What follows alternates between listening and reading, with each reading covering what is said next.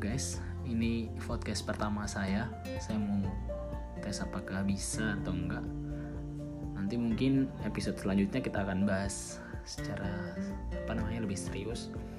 Nah, kali ini aku pengen coba aja apakah rekaman ini bisa masuk ke podcast terus nanti bisa ditautkan juga ke Spotify dan uh, apa namanya channel-channel podcast lainnya. Terima kasih.